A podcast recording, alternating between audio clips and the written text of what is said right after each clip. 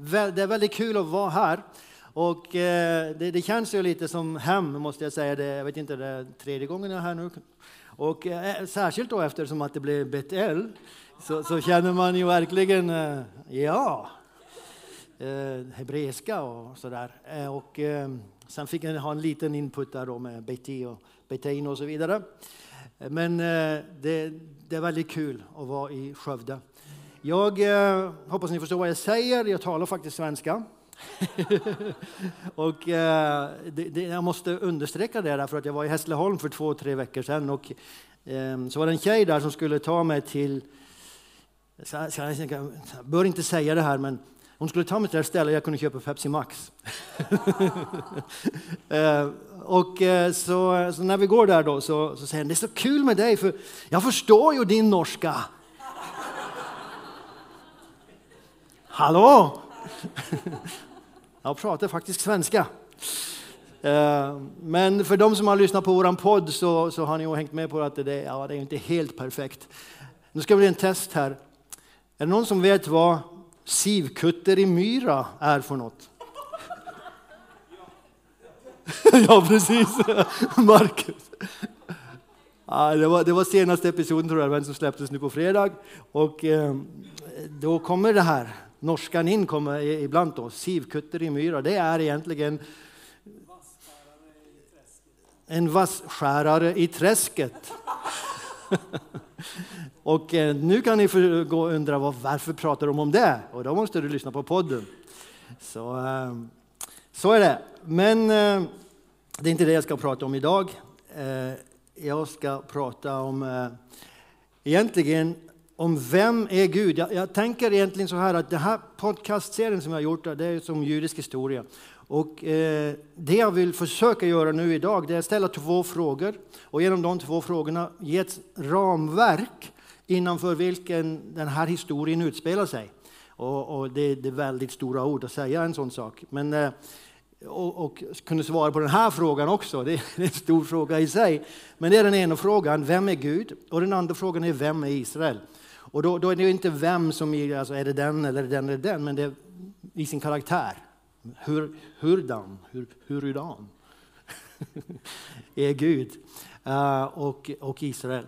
Så uh, det är egentligen det som är under titeln här. Uh, vem säger han själv att han är? Och, eh, för, för, om du och jag skulle definiera Gud, om, om, du skulle, om jag skulle ställa frågan här, vem är Gud? Om du skulle förklara Gud för någon annan, vad skulle du säga? Någon som aldrig har hört om honom? Och eh, du, du, behöver inte svara, men eh, jag tror vi skulle få väldigt många olika svar. Men det viktigaste för oss är egentligen, okay, vem säger han själv att han är? Hur definierar han sig själva? Och det, det är intressant, för, för, han gör ju det på väldigt många sätt genom Bibeln. Han, han pratar om sig själv alltså, som uh, den Gud som helar dig. Han pratar om den Gud som är mer än nog, El Shaddai. Han pratar om den, att han är den allmäktiga, det är inte egentligen eh, det ordet som används, men han pratar om sig själv på många olika sätt och beskriver sig själv på många olika sätt, förlösaren. Eh, men det finns ett sätt som han använder, kanske, jag tror, mer än något annat. Och Eh, vissa säger att 140 gånger i Bibeln så använder han just det här sättet på att beskriva sig. Och det är det här. Gud talade alla dessa ord. Jag är Herren din Gud som har fört dig ut ur Egyptens land. Ska vi se, nu. Ur träldomshuset, du ska inte ha andra gudar vid sidan av mig. Du ser, det här står i Andra Moseboken 20. Och här så talar Gud, vem är jag? Vem, vem vill jag att ni ska lära känna mig som? Jo, den som har fört eh, Israel då, ut ur Egyptens land. Det är den jag är. Och så säger han gång på gång på gång. Någon säger 140 gånger i hela Bibeln så använder han just det här sättet att beskriva sig själv. Och eh, det här är Andra Moseboken 20. Vad är inledningen till? De tio Guds bud. Och du ser första där, du ska inte ha andra gudar vid sidan av mig. Sen fortsätter det. Så det här är ju en, ett kapitel kan man säga som Gud visste i sin förutseendhet att det här kommer att spridas. Det här kommer att bli grunden för västlig civilisation, det som vi kallar judekristen civilisation. De här verserna kommer att spridas. Tyvärr så skär vi ju ju väldigt ofta bort inledningen, inledningsversen och börjar bara med buden. Eh, men oavsett så är det här som är fundamentet för, för västlig civilisation. Eh, och eh, då, i det här sammanhanget, så är det på det här sättet. Jag är den som förde Israel ut ur Egypten. Det är eh, otroligt intressant, för vad, vad säger det då egentligen? Det säger att eh, Gud är historiens Gud. Han är den som griper in. Det är flera saker som man kan dra ut från det. Men han griper in i historien. Han är inte bara den som skapade, drog sig tillbaka och sen sitter och tittar på vad som händer. Han är aktiv i historien. Och i det gamla testamentet så, så är han ju extremt, eller särskilt aktiv i och bland det judiska folket. På den tiden så finns det ett folk som är utvalt, de är fortfarande utvalda folket, men sen har andra blivit inympade, du och jag. Men här så är det ju endast det judiska folket som man hanterar på det här speciella sättet. Så han är en, en Gud som agerar i historien. Och eh, det tar oss då till den här versen som jag också tycker är eh, otroligt viktig för att förstå vem Gud är. Kom ihåg det som hände för länge sedan.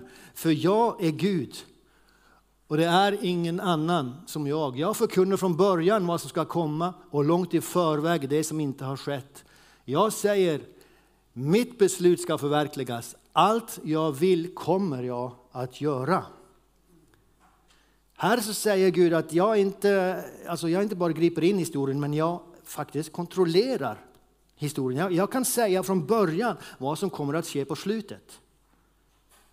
Om du kan göra det, då är du historiens herre. Sen betyder inte det att Gud kontrollerar varje sväng upp igenom, men han har satt riktningen, han har sagt det här kommer att bli slutpunkten. Sen har du och jag vår fria vilja och det ska vi komma till när vi, när vi tittar på vem är Israel. Men Gud är den som har satt början, han har gett spelregler och han säger så här kommer det att sluta. Det blir många onödiga svingar på grund av att Israel gör olika val som de inte borde göra. Vi gör val som inte vi borde göra. Men Gud har sagt vad som är slutet. Så eh, då, då, har vi fått vissa parametrar för vem Gud är. Han är historiens herre och han kopplar sig själv. Han vill att vi ska koppla honom till Israel. Den som förde Israel ut av Egypten. Vem är då Israel? Det blir nästa fråga. Och då skulle man kunna tänka sig, är de bara en pjäs i Guds schackspel? Ja, nu klarar jag att förstöra den. Ja, precis. Är de bara en pjäs då i Guds schackspel? Om Gud är historiens herre då, då skulle man kunna tänka sig att jaha, så Gud flyttar runt på sina brickor precis som han vill. Eh, eller finns det något annat? Och Bibeln är väldigt klar på det. På många ställen så säger han, se jag ställer framför dig, alltså till Israel, jag ställer framför dig välsignelse och förbannelse. Liv och död, välj själv. Och det, det kommer liksom gång på gång. Och det, han, vi vet ju det, han har gett oss en fri vilja. Så då har vi den här versen. Eh, för, för Mose har ju kommit med de här verserna till eh, folket. Det här är lika innan han dör, så kommer den här versen jag ska läsa nu. Då har han gett, gett Israel alla bud, alla de här eh, reglerna som de ska följa. Och så säger han, om ni gör det där så kommer det att gå er väl. Om ni inte gör det så kommer det inte att gå väl. Och så säger han att jag vet att ni efter min död kommer att göra det som är fördärvligt och vika av från den väg som jag har befallt er att gå. Därför ska olycka drabba er i kommande dagar när ni gör sådant som är ont i Herrens ögon och väcker hans vrede genom era gärningar. Det är rätt så intressant att Moses säger det här. Alltså, nu, nu stå, det är lika för han dör. Han, han ska upp på berget Nebo och titta in i löfteslandet eh, rätt efter det här. Och, och sen dör han där. Men så säger han, jag vet, nu, nu, nu när jag är borta så kommer ni ni kommer att komma in i det här landet. Gud kommer att ge er det till er som han har lovat. Ni kommer att erobra det och besegra alla fiender. Men sen kommer ni att bli feta. Ni kommer att äta landets frukt. Ni kommer att bli, eh, alltså, vad kallar det, bedaglig på norsk. eh, men i alla fall, ni, ni kommer liksom att lita på er själva och ni kommer att lämna mig. Och då, då kommer det att gå fel med er. Så här så ser vi det, alltså Gud är väldigt tydligt, det här kommer att hända. Och då vill jag gå in på två eh, hebreiska ord som man finner i eh, Bibeln väldigt ofta. Eh, mikre eller mikra. Om ni tittar på de där två orden på hebreiska så ser ni att det är bara den sista bokstaven. Du läser från höger till vänster. Okay? Så det är bara den sista bokstaven som är olika. Men det är en väldigt stor skillnad i vad de här betyder. Mikre, eller börja där då, mikra, det är, ska vi säga här, är en kallelse. Det kommer från ordet att läsa eller att kalla. Och eh, så frågan är, är Israel upptagen av att de har ett kall, en kallelse över sitt liv eller lever de efter tillfälligheter, mikre, saker som bara händer, tillfälligheter. De här orden hittar man igen väldigt ofta i Bibeln. Och eh, det är inte alltid, alltså roten i det andra ordet är, det är de två bokstäverna i mitten, kuf och resh, kr skulle man kunna säga. Det är roten i, den, i det ordet, tillfällighet eller saker som bara händer. Men så finns den här versen i tredje Mosebok 26 och där står det om ni trots detta inte låter er varna av mig utan står mig emot ska också jag stå er emot. Här är det just det ordet. Keri. Alltså, på hebreiska så är det alltid roten, de två bokstaverna i mitten där som är de viktiga. Och här översätts det med om ni står mig emot. Man skulle faktiskt, och en av Israels största rabbiner eh, som levde på 1200-talet, Rambam 11-1200, han säger att han översätter det här om ni vandrar med mig bara tillfälligt, alltså om ni, om ni låter tillfälligheter styra er relation med mig, då kommer tillfälligheter att styra era liv. Det kommer att gå er illa. Det är översatt på det här sättet, men det skulle även kunna översättas på det sättet. Låt inte bara livet hända. Du vet, om ni tittar på oss själva så är det väldigt konstigt. För ibland så tar vi jättelång tid på att planera ett semester. Okej, okay, vi ska åka till, eh, till Cypern, så, eller vad vi nu ska. London, där händer det mycket mer än kanske på Cypern. Det är inte så mycket planerat om när du ska till Cypern. Eh, men om du vill till London, så, ja, vi ska titta på det, vi ska titta på, så, så planerar man det veckor innan man åker. Medan livet planerar man inte. Livet låter man ofta bara hända. Det är, det är väldigt sällan att, att, eh, man möter människor som har satt sig ner och sagt så här, dit är jag på väg, nu tar jag de här stegen för att komma dit. Alltså, till en viss grad gör vi det. När du börjar din utbildning så har du liksom tagit några val, val. Men väldigt ofta så låter vi bara livet hända. Och Gud säger så här, se till att ni vandrar enligt er kallelse. Det som ligger över er, det som jag har gett er, sättet som jag har gett er att leva på och inte bara låter saker hända. För då kommer det inte att gå väl med er.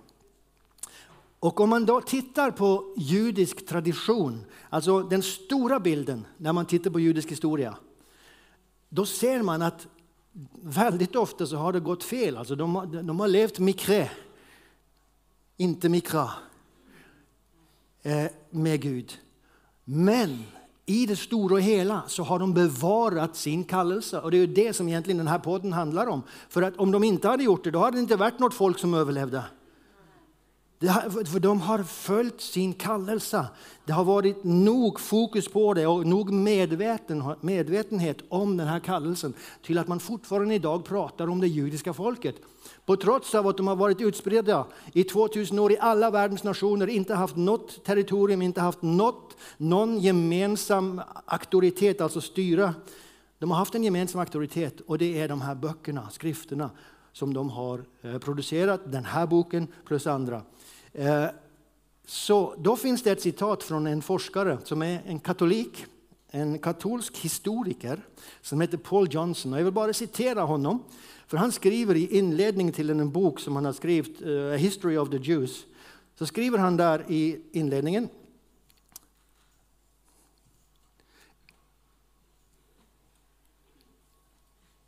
Ja, jag läser det härifrån. Inget folk har någonsin insisterat mer bestämt än judarna att historien har ett syfte och mänskligheten ett öde. I ett mycket tidigt skede av sin kollektiva existens trodde de att de hade upptäckt ett gudomligt schema för människosläktet som deras eget samhälle skulle vara ett pilotprojekt för. De utarbetade sin roll i oerhört detalj. De höll fast vid den med heroisk uthållighet inför ett otämjd lidande. Den judiska visionen blev prototypen för många liknande storslagna program för mänskligheten, både gudomliga och mänskliga. Judarna står därför mitt i centrum för det ständiga försöket att ge mänskligt liv värdigheten av att ha ett syfte. Och det är särskilt den sista meningen där som är jätteviktigt. Judarna står i centrum för det ständiga försöket att ge mänskligt liv värdigheten att ha ett syfte. Vi är inte här bara av tillfälligheter. Eh, det, är inte bara så att eh, alltså fatalism, det som händer, det händer. Allt är i händerna på alla, allt är i händerna på någonting annat. Det finns ett syfte och det har vi fått via judarna och det har de bevarat genom sin historia. Så eh, det här är fascinerande och det är det som, som i alla fall ja, det drar väldigt många, men också mig, till att studera just det här och ställa frågorna, hur kommer det sig att de fortfarande finns? Eh, inte bara med tanke på att det liksom, alltså slagen mot deras identitet, hur, hur ska de kunna överleva? Och, och, Ulf var inne på det, han nämnde det, att valet med den postern som han valde där, det var just när de formade en av sina böcker som formar deras dagliga liv och som har gjort det sen. Uh, så då ser vi att till slut, vi har tittat på vem är Gud och vi tittar på vem är judarna. Och vi ser att judarna har en roll att spela i Guds stora plan. Gud har satt ramen, han har sagt vad som är början, vad som är slutet, men judarna spelar en roll. Och du kan överföra det här på dig och mig eh, lika väl som på dem. För de är, som det står, som eh, Paul Johnson sa, en prototyp för människosläktet. Så man kan lära sig genom deras historia. Men det vi kommer fram till är att det finns ett samspel. Och eh, då kommer vi till Nehemja. Och jag ska läsa för Nehemja, om ni inte kommer ihåg, han var en, eh, ja, vad var han för något? Alltså, han var en munskänk. Eh, men alltså, i, i kungens palats i Persien. Men i alla fall, han har en bok i Bibeln som heter Nehemjas bok. Och när han var munskänk då var hans folk utspritt i många länder. Det babyloniska fångenskapet hade avslutats ungefär hundra år innan Nehemja. Så de hade blivit taget i fångenskap, men de hade blivit lössläppta. De kunde åka vart de ville. Men många valde att stanna, andra åkte till många länder omkring. Så då hade vi det som kallas diasporan, judarna i förskingringen. Den kommer att bli större sen, men den fanns redan på Nehemjas tid. Och då får Nehemja höra att men Jerusalem ligger i ruiner. Och då så ber han, han får nöd i sitt hjärta och så ber han den här bönen. Vi har syndat mycket mot dig och inte hållit fast vid de bud, stadgar och lagar som du gav din tjänare Mose. Vi har syndat och inte hållit fast vid de lagar Okej, okay, det betyder egentligen vi har vandrat mikre med dig. Vi har låtit tillfälligheter styra. Men tänk på det ord som du gav din tjänare Mose när du sa det. Om ni är trolösa ska jag skingra er bland folken, men om ni vänder om till mig och håller fast vid mina bud och följer dem, mikra, om ni vandrar enligt kallelsen, då vill jag även om ni vore fördrivna till himlens ända Samla er därifrån och föra er till den plats som jag har utvalt för att låta mitt namn bo där. Vad är det? Var är det? Israel, precis. Även om ni är förskingrade över hela världen så kommer jag att föra er tillbaka när ni vandrar enligt er kallelse. Wow! Och det här är bara ett vers. Det finns, jag skulle kunna tagit tiotals sådana vers som pratar exakt om det. Även om ni är förskingrade utöver hela världen. Det kommer en tid när jag kommer att föra er tillbaka. Och då så säger Gud, och det här, nu, nu blir det verkligen intressant. Vem är Gud idag? Hur vill Gud att vi ska lära, identifiera honom idag? Och det har skett någonting. Se dagar ska komma, säger Herren, då man inte mer ska säga så sant Herren lever, han som förde Israels barn upp ur Egyptens land. Utan så sant Herren lever, han som förde ättlingarna av Israels hus upp ur landet i norr och hämtade dem ur alla andra länder dit jag fördrivit dem. Så ska de få bo i sitt land. Under hundratals år, och nu fram till idag då, så kan man säga i 3500 år sedan Mose så har judarna mint sig själv om att han är den guden som förde oss ut ur Egyptens land. Påskmåltiden, då berättas den historien gång på gång på gång. Men Gud säger dagarna ska komma när de inte längre ska tänka på den utgången, men de ska tänka på den här utgången från alla länderna där jag förde dem tillbaka till sitt land. När händer det då? Det händer nu. Israel, det moderna Israel upprättades 1948. Gud började föra dem tillbaka liksom 50-60 år innan dess. Det har alltid funnits några där, men då började de komma tillbaka. Det här händer i våra dagar och Gud säger nu vill jag att ni ska kalla mig den Gud som förde Israels barn tillbaka till sitt land. Ah, wow. Alltså, när, när man tänker på det, är det så du definierar Gud? Det ska inte liksom bli, det är inte för att du ska få skuld och så, men det är inte helt så vi definierar Gud. Men låt mig ta ett steg till. För han säger också att det här händer icke för era skull. Se därför, säg därför till Israels hus, så säger Herren. Det är inte för er skull jag gör det, ni av Israels hus, utan för mitt heliga namn som ni har vanärat bland folken där ni kommit. För Gud känner Israel, han vet att de inte är perfekta. Men han har förutsagt att de kommer att återkomma till sitt land. Så här kommer historiens herre in i bilden. Och här så blir det faktiskt lite på trots av Israel så kommer de att återkomma. Men det finns som, som jag sagt hela tiden de som har hållit fast vid sin kallelse. Men till syvende och sist så är det alltså Gud, en suverän Guds gärning som säger det är för att mitt namn ska helgas. Och, och vad menar han med det? Jo, för Gud hade lovat just det här att han skulle återsamla dem. Han hade ingått ett förbund med dem där man sa det här landet är ert till evig tid. Och han håller sina löften. Och därför så ser vi att för mitt heliga namns skull, för när ni blev förskingrade, när ni blev utslängda från, från ert land, så blev det till vanära för mitt namn. Därför att jag hade ju gett er ett land, men ni uppförde er inte så ni blev utslängda. Och hedningarna spottade er och förföljde er. Och Gud säger även att det kommer en dom över dem, de måste svara för sina handlingar. Men jag vill inte låta mitt namn vara van, vanhelgad längre. Jag kommer att helga mitt namn, jag kommer att föra er tillbaka.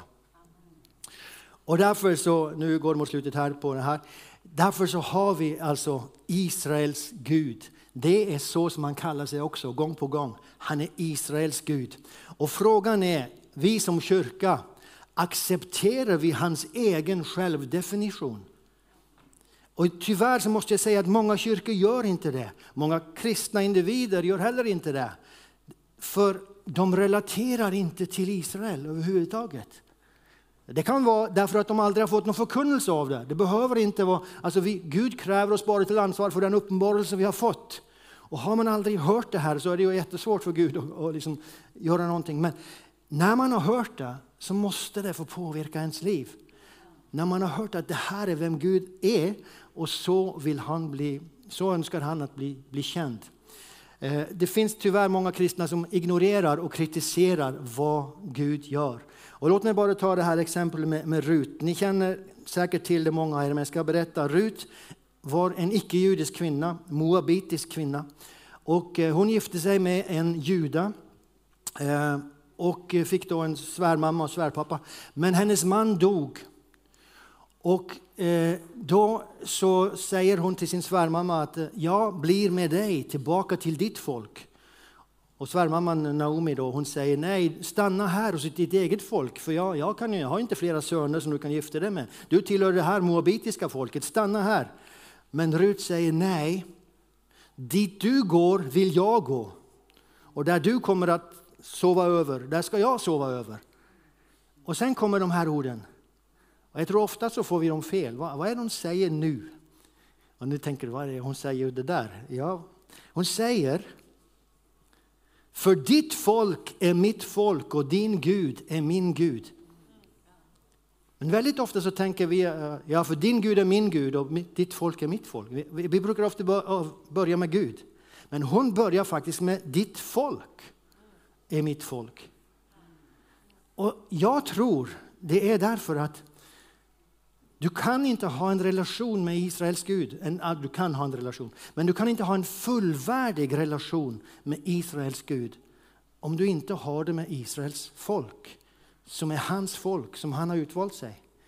Alltså, självklart, så, så många kristna har en, en relation, men de känner ju inte Gud på djupet, för de känner inte allt som Gud är, om de inte också förstår att han är Israels Gud. Så vi måste låta få Gud få avgöra själv vem han är och hur han definierar sig. Och det måste i sin tur få en påverkning på oss. Så därför så till slut, den sista sliden här, är så, låt oss säga amen till allt vad Gud gör. Alltså, man, vi säger amen till allt vad Gud håller på med i världen. Han, han, håller på med att återupprätta och föra tillbaka och föra folk till honom. Eh, det finns humanitärt arbete. Vi säger amen till allt detta här. Och vi säger också amen till vem man är i relation till Israel. Så det är underbart att få vara i en församling som har Israel på agendan. Men egentligen så ska jag säga här, ni har inte Israel på agendan. Ni läser bara Bibeln. Ni har Bibeln på agendan. Och då kommer det här helt naturligt.